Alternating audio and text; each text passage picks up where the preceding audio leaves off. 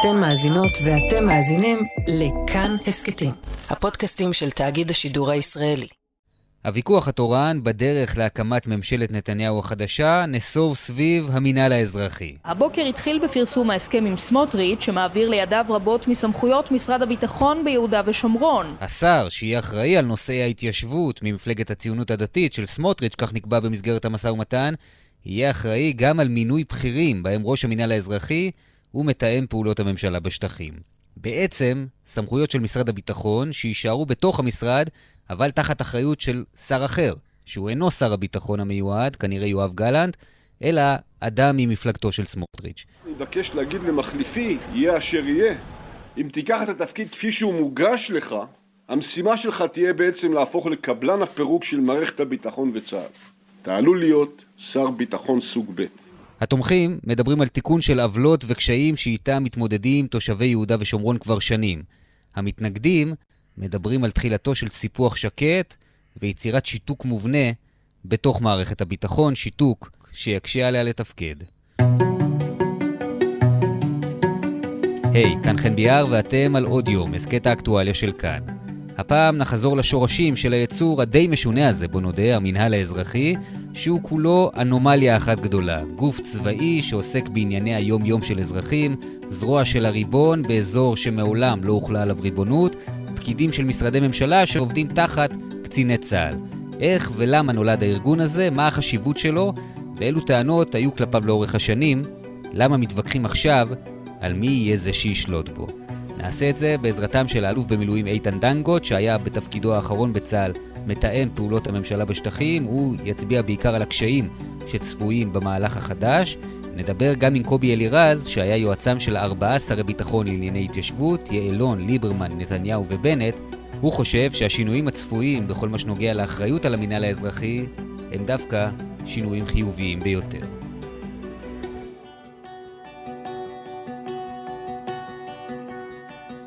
האלוף במילואים איתן דנגוט, שלום. שלום, חן. בוא נחזור קודם כל אחורה. מה זה בכלל הגוף הזה שנקרא המינהל האזרחי? מתי הוא הוקם? איך הוא הגיע למעמד שיש לו היום? המינהל האזרחי זה גוף שעבר uh, תהפוכות רבות, אבל כדי שנדבר עליו נבין את הצורך שלאחר uh, מלחמת ששת הימים, שבו ישראל למעשה כבשה את uh, כל שטחי יהודה ושומרון, ונוצר הסטטוס שנשמר מבחינה זאת הגיאוגרפי עד היום, כמובן, מטבע הדברים, במשך עשרות השנים עלה צורך מעשי וענייני להמשיך ולנהל את חיי הפלסטינים שגרים בתחומי יהודה ושומרון בהקשר האזרחי, אבל החל מרגע כיבוש השטח ביהודה ושומרון, הכל נעשה כמובן תחת המעטה הביטחוני. ישראל מאז 67' אה, לא סיפחה את שטחי יהודה ושומרון לתחומה מבחינה מעשית. גם הצהירה על כך במערכת הבינלאומית, וזה היה לאורך כל ממשלות ישראל. מטבע הדברים, הצבא, מעשית, אלוף פיקוד מרכז, הוכרז והוגדר כריבון שמנהל את כל עניינים הביטחוניים, אבל בתוך כך כל הצרכים האזרחיים עבור תושבי יהודה ושומרון, וזה נעשה באמצעות הגוף האופרטיבי שבראשו עומד פיקוד מרכז, או בצורה מעשית צה"ל. מהמשך לכך נקבע כי מבחינה מדינית כמובן, הגורם שמטעם ממשלת ישראל פוקד ומתכלל את כל סוגיות מדיניות הממשלה שמוגדרת ונקבעת לאורך כל השנים, כמובן מדיניות דינמית, וזה באמצעות שר הביטחון, שמביא אותה בשם uh, הממשלה. אז בעצם מכיוון שישראל מעולם לא סיפחה את שטחי יהודה ושומרון באופן רשמי, היא פועלת שם באמצעות צה"ל, והגוף שמופקד על ביצוע כל הפעילות האזרחית מול תושבי האזור, ישראלים ופלסטינים, הוא המינהל האזרחי. גורמי המזר... המינהל האזרחי, שהם במפקדת המינהל האזרחי בבית אל, למעשה יוצרים פה את האלמנט על של הנושאים האזרחיים שהם תקרא להם אה, משרדים אזרחיים, ממשלה קטנים יותר, אבל שעושים תיאום, כי החיבור של יהודה ושומרון לישראל הוא חיבור בלתי ניתן להפרדה ביכולת לדאוג לצורכי האוכלוסייה. ולכן בסוגיות כמו בריאות, חקלאות, סוגיות של תשתיות, מים, חשמל, המעברים בין יהודה ושומרון לישראל, שמחייבים את המינהל האזרחי במתן היתרים. כלומר, כל מה שקשור במתן אישורים לפלסטינים, כולל תושבי רצועת עזה להיכנס לישראל או לצאת לחו"ל, אם זה טיפול רפואי, אם זה היתרי עבודה, כל עניין הומניטרי, כל זה דורש תיאום של גורמי הביטחון והשב"כ. וברשותך, עוד נושא נוסף, וזה ההיבט הפרויקטלי. עד היום רשות פלסטינית איננה מסוגלת לסבסד וליצור לעצמה יכולות בבניית תשתיות. דיברנו על מקורות אנרגיה, מים, חשמל אה, ופסולת ודברים מהסוג המהותי שהם הרגליים על הקרקע של ניהול מרקם חיים יומי, שיש לו גם השפעה על ישראל. היום, למשל, אזור ראש העין מושפע משריפות, חלקן מכוונות, ליצור uh, בעיית איכות סביבה לאזורים היהודיים מעבר לקו הירוק של פעם. הצמידות והרגישות הזאת של בעיות איכות הסביבה וכדומה, ומקרקעין, כי שטח C הוא שטח המחלוקת המדיני המרכזי בינינו לבין הפלסטינים, האם האדמה הזאת היא אדמה שברכוש פלסטיני, בעלות פלסטינית, או אין לה דורש, והיא מוגדרת מבחינה זאת כאדמת מדינה או נרכשה כדת וכדין על ידי גורמים יהודים, זה מערכת שלמה של היתרים, לכן כל התיאור הזה נותן לך פה את המימד המאוד מורכב שבתוכו חיים יהודים, חיים ערבים, פלסטינים. בעצם יש לנו כאן גוף שיש עליו פיקוד צבאי והוא גוף צבאי, ובתוכו יש הרבה משרדים אזרחיים קטנים, משרד משפטים קטן, משרד איכות הסביבה קטן, משרד תחבורה קטן, ככה זה עובד. יש, אכן כך, גוף צבאי, יחידה צבאית בתוך צה"ל יודעת לעבוד כפי שצבא עובד ולא יודעת לעבוד אחרת, כאשר מאגדים אותם במטה העל שלה כמפקדה אזרחית, גורמים אזרחיים מטעם משרדי הממשלה בתחומים השונים, כדי ליצור את האינטגרציה בנושאים האזרחיים עצמם, אכן כך.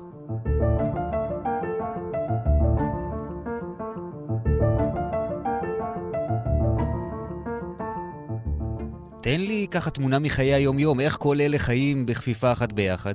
אני יכול לתת לך חיי יום-יום בדוגמאות שונות. אני יכול לתת לך שאם יש רצון באזור ג'נין, בשטח C, ליצור עכשיו גידולים חקלאיים בשטחים חקלאיים אחרים, ו/או היבטים של בעלי חיים, אותו קמ"ט חקלאות של המינהל האזרחי.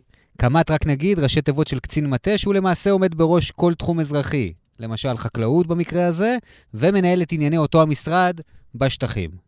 אותו קמ"ט מגיע ועושה את עבודת המטה מול גורמים הפלסטינים, וגם מחבר את זה להיבטים של ישראל, של משרד החקלאות הישראלית, מה מותר, מה אסור, מותר להכניס בעלי חיים, והוא יוצר את האלמנט המקצועי. במקום אחר, קח את פצאל, הגיעו לשם ובנו בתוך שטח C, סמוך ליישוב היהודי פצאל עצמו, אה, התיישבות אה, בעיקר של בדואית, שנמצאת שם ובנו בבנייה בלתי חוקית. למינהל האזרחי לצורך היבט המקרקעין, מעבר לעבודה יש גם מחלקת פיקוח, שהיא עושה את הפיקוח בשטח C כלפי האוכלוסייה הערבית, הפלסטינית, להיבטים של הקמות ופעילות בלתי חוקית. בחצי השנה שבין מרס לספטמבר נהרסו בממוצע בחודש כ-65 מבנים של פלסטינים שנבנו ללא היתרי בנייה, המספר הגבוה ביותר זה ארבע שנים. וגם ביחס לאוכלוסייה היהודית שנמצאת בהיבט הזה בערים או בהגדרות שמחוץ למה שמוגדר כיישוב שקיבל את האסמכתה לסמל היותו יישוב, אסור לבנות לדוגמה, הם עושים את אותו פיקוח. 400 שוטרי משמר הגבול פינו הבוקר את המקום, יחד עם מאחז סמוך נוסף. בשניהם נהרסו כ-20 מבנים. במקום שלישי, באזור חברון, מוקמת תשתית של תחנת אה, חשמל בתרומת האיחוד האירופי. צריך להיות שם ולראות את ההתקדמות ולאשר את אה, קיומה. במקום רביעי, במעבר תרקומיה, יש לך יציאה לכיוון נמל אשדוד של סחורות רבות, של, או נכנסות או יוצאות של הפלסטינים, הבידוק, לא לעכב, ליצור לצרכן הישראלי שרוכש את זה מהמפעלים המקומיים, לא להפסיד זמן, וכל זה תחת אה, הביטחון בכניסה ויציאה. במקום אחר, במת"ג אה, בית לחם, מרכז תיאום וקישור של חטיבת בית לחם, יגיעו לך פלסטינים כדי לחדש את היציאה שלהם לישראל לטובת עבודה וקבלת היתרים. ובמקום אחר, בשכם, צה"ל כרגע יוצר מחסומים כי יש אה, ידיעות מודיעיניות על כוונות סיכול. איך המינהל האזרחי מתרגם את זה בחטיבה המקומית שנמצאת שם, חטיבת אה, שומרון, בהקשר הזה לפעילות המבצעית, מה הוא סוגר, מה הוא פותח, מי מודיע למנגוני הביטחון הפלסטינים, אל תצאו כרגע לפעילות, ובמקום שישי, אבו מאזן יוצא לנסיעה לאירופה, וצריך להעביר אותו במעבר אה, אלנבי, שהוא אותו יורד וליצור את התנועה, כי זה המעבר של הפלסטינים לירדן וכניסת סחורות. זאת אומרת, מרקם חיים של יום-יום, כאשר אתה מסתכל גם קדימה. ראש המינהל הפלסטיני, היום אנחנו בחודש דצמבר, עוד חודש וחצי, חודשיים, ככל שיתקרב הרמדאן למרץ, יצטרך לשבת ולגבש המלצות לאלוף פיקוד מרכז, אילו הקלות הוא ממליץ לתת לאוכלוסייה הפלסטינית ביהודה ושומרון אה, לקראת הרמדאן. בתקופות יותר שקטות, אנחנו אפשרנו, בתקופתי היותי מתאם פעולות, אפשרנו לפלסטינים להגיע עד לחופי הים של תל אביב, כדי אה, לחוש את הדברים. זאת אומרת, מרקם חיים שאתה לא יכול להוציא אותו מאחדות הפיקוד, מהפיקוד הצבאי, ויוצא דופן הוא הסוגיה של האוכלוסייה היהודית. עד עכשיו דיברנו בעיקר על הממשק מול האוכלוסייה הפלסטינית. איך נראה הממשק מול היהודים שגרים ביהודה ושומרון, אוכלוסייה שהולכת וגדלה עם השנים, המתיישבים, המתנחלים, איך נראה הקשר איתם? אתה אמור להבין את צורכיהם. הצרכים הולכים וגוברים. מטבע הדברים, הכיוון והרחבות ההתיישבות בתוך ערים קיימות, או לבצע בערי, במקומות אחרים שאינם מוגדרים כיישובים חוקיים, ורוצים להתחבר בצורה חוקית לאלמנטים אחרים, כי כל זמן, מדינה דמוקרטית, שממשלת ישראל לא החליטה לפנות מישהו, אתה חייב לתת לו גם את מרקם החיים הבסיסי, בוא נגדיר אותו לדברים. ואתה יוצר למעשה מצב שלאורך השנים, ההתיישבות היהודית הלכה, התרחבה, גדלה, מטבע הדברים גם אדמיניסטרטיבית, מוניציפלית, מנהלת עצמה בצורה ראויה להערכה ברוב המקומות, אבל עדיין הפלטפורמה הזאת היא תחת אותו הגדרה של הריבון שהוא צה"ל, ולכן חלק מהדברים או מהטענות, לעתים גם דרך אגב מוצדקות, אתה נתקל בבירוקרטיה של אורכת זמן רב, למשל בסוגיות מקרקרים ותהליכי אישורים של אה, כל התהליכים עד שלמרות שהמדינה מאשרת להיכנס לתהליך של הוספת אה, עשרות או מאות יחידות דיור במקומות מסוימים על אדמות מדינה בצורה חוקית, זה תהליך שלוקח לעיתים זמן רב מדי. אין חברה פרטית עסקית בעולם שעובדיה היו עובדים בקצב שאתם עובדים, והיו נשארים יום אחד בתפקידם. עכשיו, אני יודע, אתם מנהלים על גבינו... הסוגיות של מחלוקות בהקשר למהירות תהליך, מחלוקת אידיאולוגית כלפי מחלקת הפיקוח, שלא מסמנת אולי מספיק מקומות לדבריהם, שיש שם בנייה לא חוקית בשטח C של גורמים בינלאומיים או פלסטינים, או מצד שני, עושה את זה מסמנת, אבל לא אוכפים את זה ולא הורסים, אתה לא נכנס פה למכונת הריסה. נוצר מתח, שהוא מתח בריא דרך אגב, בין כאלה שמצדדים בהאצה, לבין הצד השני שאומר, לא, זה כן שלנו, זה לא שלנו.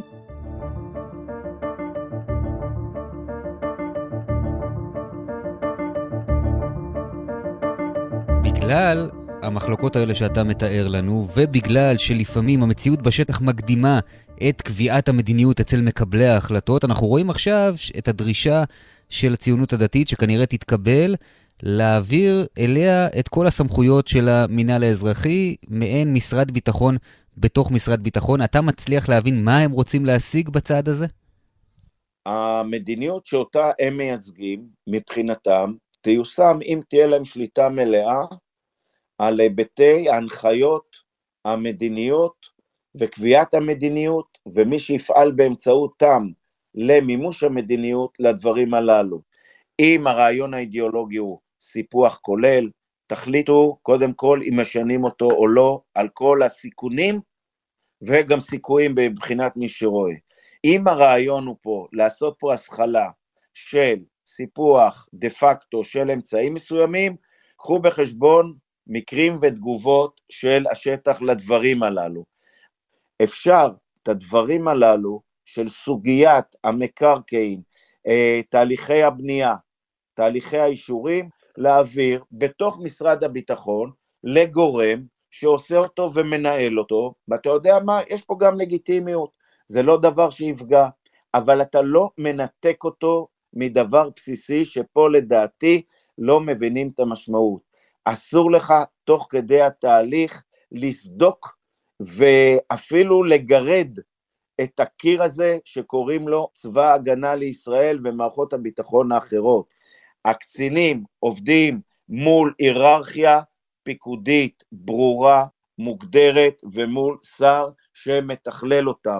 לא יכול להיות שראש המינהל האזרחי יקבל משני גורמים הנחיות. אני לא רואה בשום מצב, בשום מערכת, שני בעלי בית לדברים, ואמרתי לך, המורכבות היא פה גדולה. אנחנו מודעים לפוטנציאל של מה שיכול להיות מול ארצות הברית, איחוד אירופי וכדומה. אני ישבתי במקומות מאוד רגישים באירופה, או מקומות אחרים כמתאם פעולות ממשלה בשטחים, להסביר כמעין שר חוץ את הפרטים, כי הם נוגעים בדברים הללו ואתם לא מבינים לפעמים את העוצמה שיש לזה ביחס למדינת ישראל ופוטנציאל פגיעה. כולנו צריכים לזכור, זוכרים את הזמן שאובמה לא נתן וטו אה, באו"ם על החלטת נגד ישראל? יש לנו בעיות בקנה מידה בינלאומי, ב-ICC, בעיות mm-hmm. לא פשוטות, אנחנו מדינה עם מורכבות גדולה. אז אתה בעצם אומר שמצד אחד אנחנו כן מוצאים היגיון בכך שסמוטריץ' יקבל את ההזדמנות לממש את השאיפות וליישם את הדברים שהוא התחייב אליהם כלפי הבוחרים שלו, כל מה שנוגע לייעול וזירוז הליכי הרישוי והבנייה בשטחים, ליהודים כמובן, ושיפור העבודה השוטפת של המינהל האזרחי מול אותם מתיישבים. מצד שני, אתה מדבר על כך שיש מורכבות של המערכת הבינלאומית, ש... יהיה קשה לה להכיל את זה. הם יכולים להפעיל לחצים על ישראל אם המצב בשטחים ישתנה לרעת הפלסטינים. איפה אתה מזהה עוד בעיות? איך למשל אתה רואה את הדרישה הזאת של סמוטריץ' להיות זה שממנה ומאשר כל מינוי בכיר במינהל האזרחי? לא ייתכן שמינוי ראש מינהל אזרחי יהיה בסמכות איזשהו שר אזרחי. המינוי שלו הוא מינוי של קצין בכיר בדרגת תת-אלוף, שעושה שורת תפקידים, הוא מוכשר בפני עצמו, ומי שהרמטכ"ל בסוף דיון שיבוצים בוחר לתפקיד הזה ומביא אותו אך ורק לאישור השר, לא לקביעה, כמו שכל אלוף משנה, תת-אלוף ואלופים שנקבעים בין הרמטכ"ל לשר, כך גם ראש המינהל האזרחי, זה לא ישים, אי אפשר לשנות פה את מבנה צה"ל, זה יעשה דבר לא טוב שיפגע בנו לטווח רחוק, ואני אומר לך עוד דבר כאן, כל השינויים האלה, חלקם אמרתי רפורמות ודברים מוצדקים, קבילים, אבל בסופו של דבר צריך להיזהר לא למלות מים יותר מדי בכלי שלנו, כי כשהם יישפכו זה יכול להביא גם לדברים לא צפויים. וכל החצי מיליון איש שגרים ביהודה ושומרון צריכים לדאוג בצורה נכונה לעתידם והמשך התפתחותם. איתן דנגוט, האלוף במילואים, תודה רבה. תודה ויום טוב.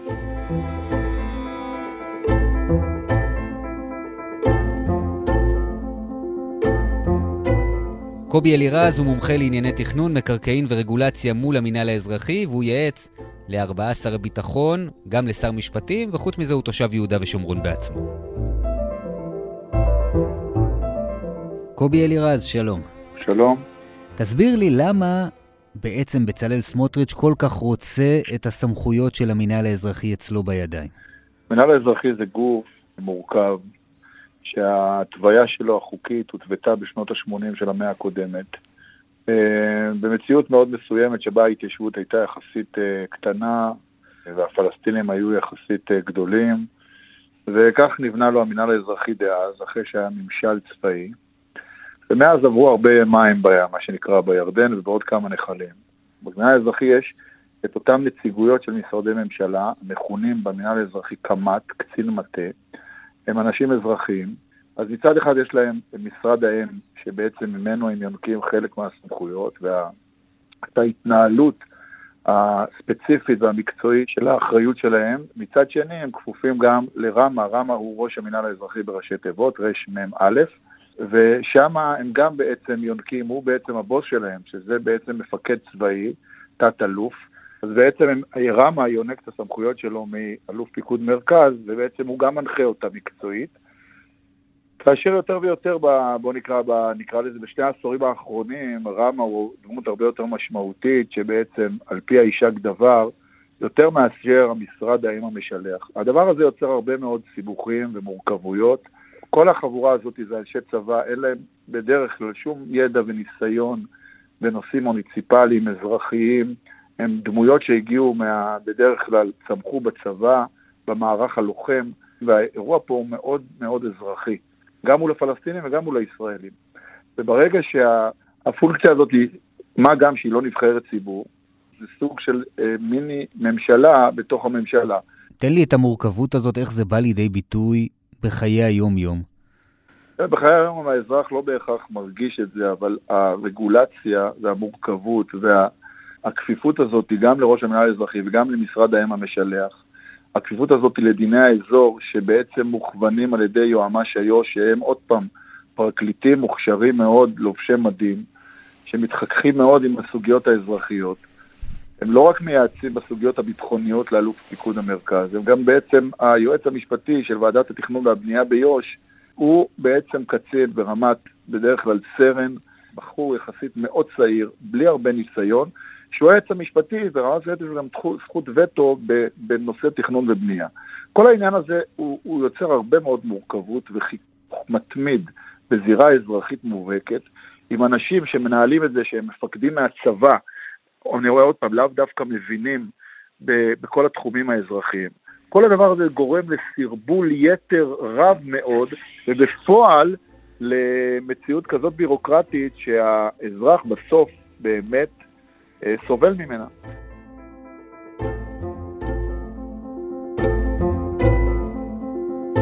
עכשיו, עצם העובדה שהציונות הדתית כל כך רוצה את העוצמה הזאת אצלה, זה, אני מתאר לעצמי, מגיע בשביל לפעול לטובת ציבור המתנחלים, שהוא מטבע הדברים גם תומך במפלגה הזו. מההיכרות שלך את השטח, מה המצוקות הגדולות ביותר שאולי ינסו להשפיע עליהן?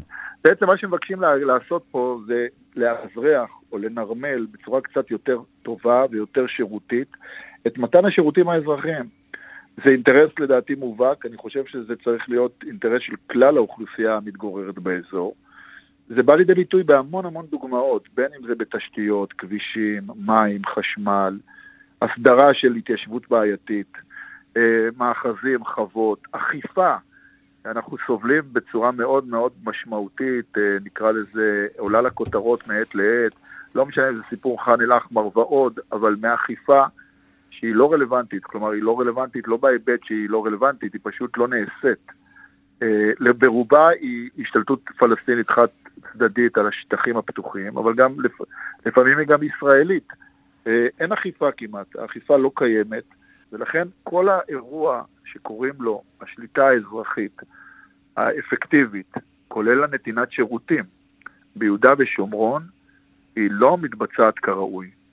ואם נאמר ככה, יש עכשיו סוג של ביקורת רבה על הדבר הזה, אז אני ננסה, אתה יודע, קצת אה, ניטול קורה מבין עינינו. אז אחד, תמיד אה, שרי ביטחון היו מעורבים במינוי של אה, תתי אלופים ומעלה. אז זה לא משנה כל כך אם זה שר ביטחון, או שזה יהיה שר במשרד הביטחון, שאפרופו כבר בממשלה הקודמת היה שר במשרד הביטחון לעניינים אזרחיים. נשים שנייה, עוד פעם, נצא שנייה ל Windows הצידה ונגיד שבמשרד הביטחון, שהוא אמון על כל הדבר הזה, כיוון שאמרנו שיש פה שלטון צבאי, במשרד הביטחון יש שר ביטחון. שר הביטחון יש במדינת ישראל הרבה מאוד סוגיות ביטחוניות מובהקות שהוא טרוד בהן. הוא לא טרוד בסוגיות אזרחיות. יש לו גם סוגיות אזרחיות כאלה בישראל הקטנה.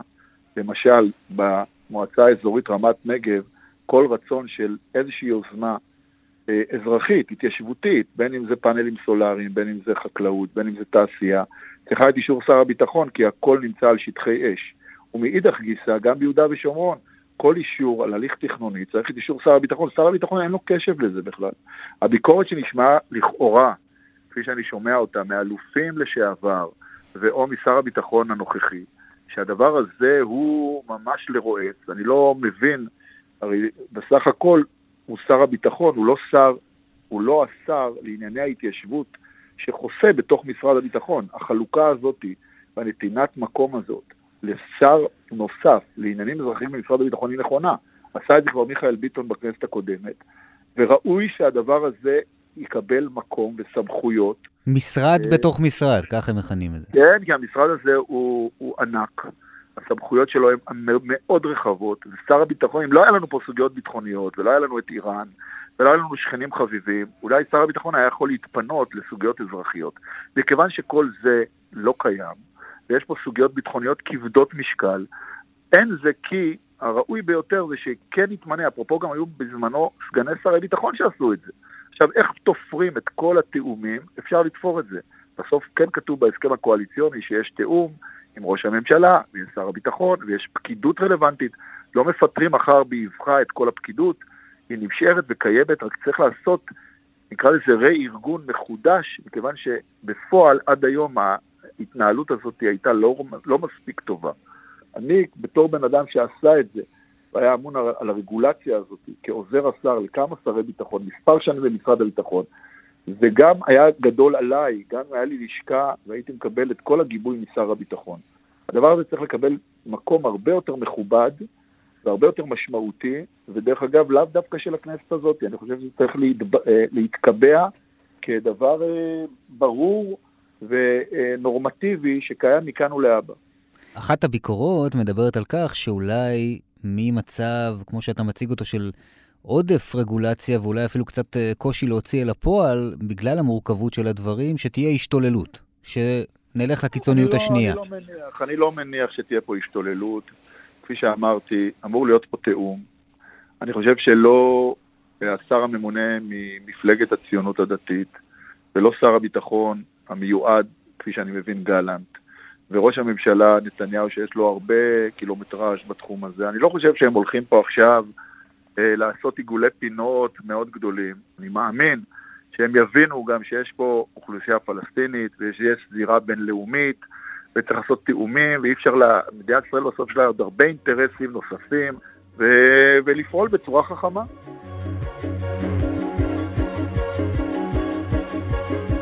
קובי אלירז, תודה רבה על השיחה המעניינת. חן חן, וימים יגידו, בהצלחה לכולנו.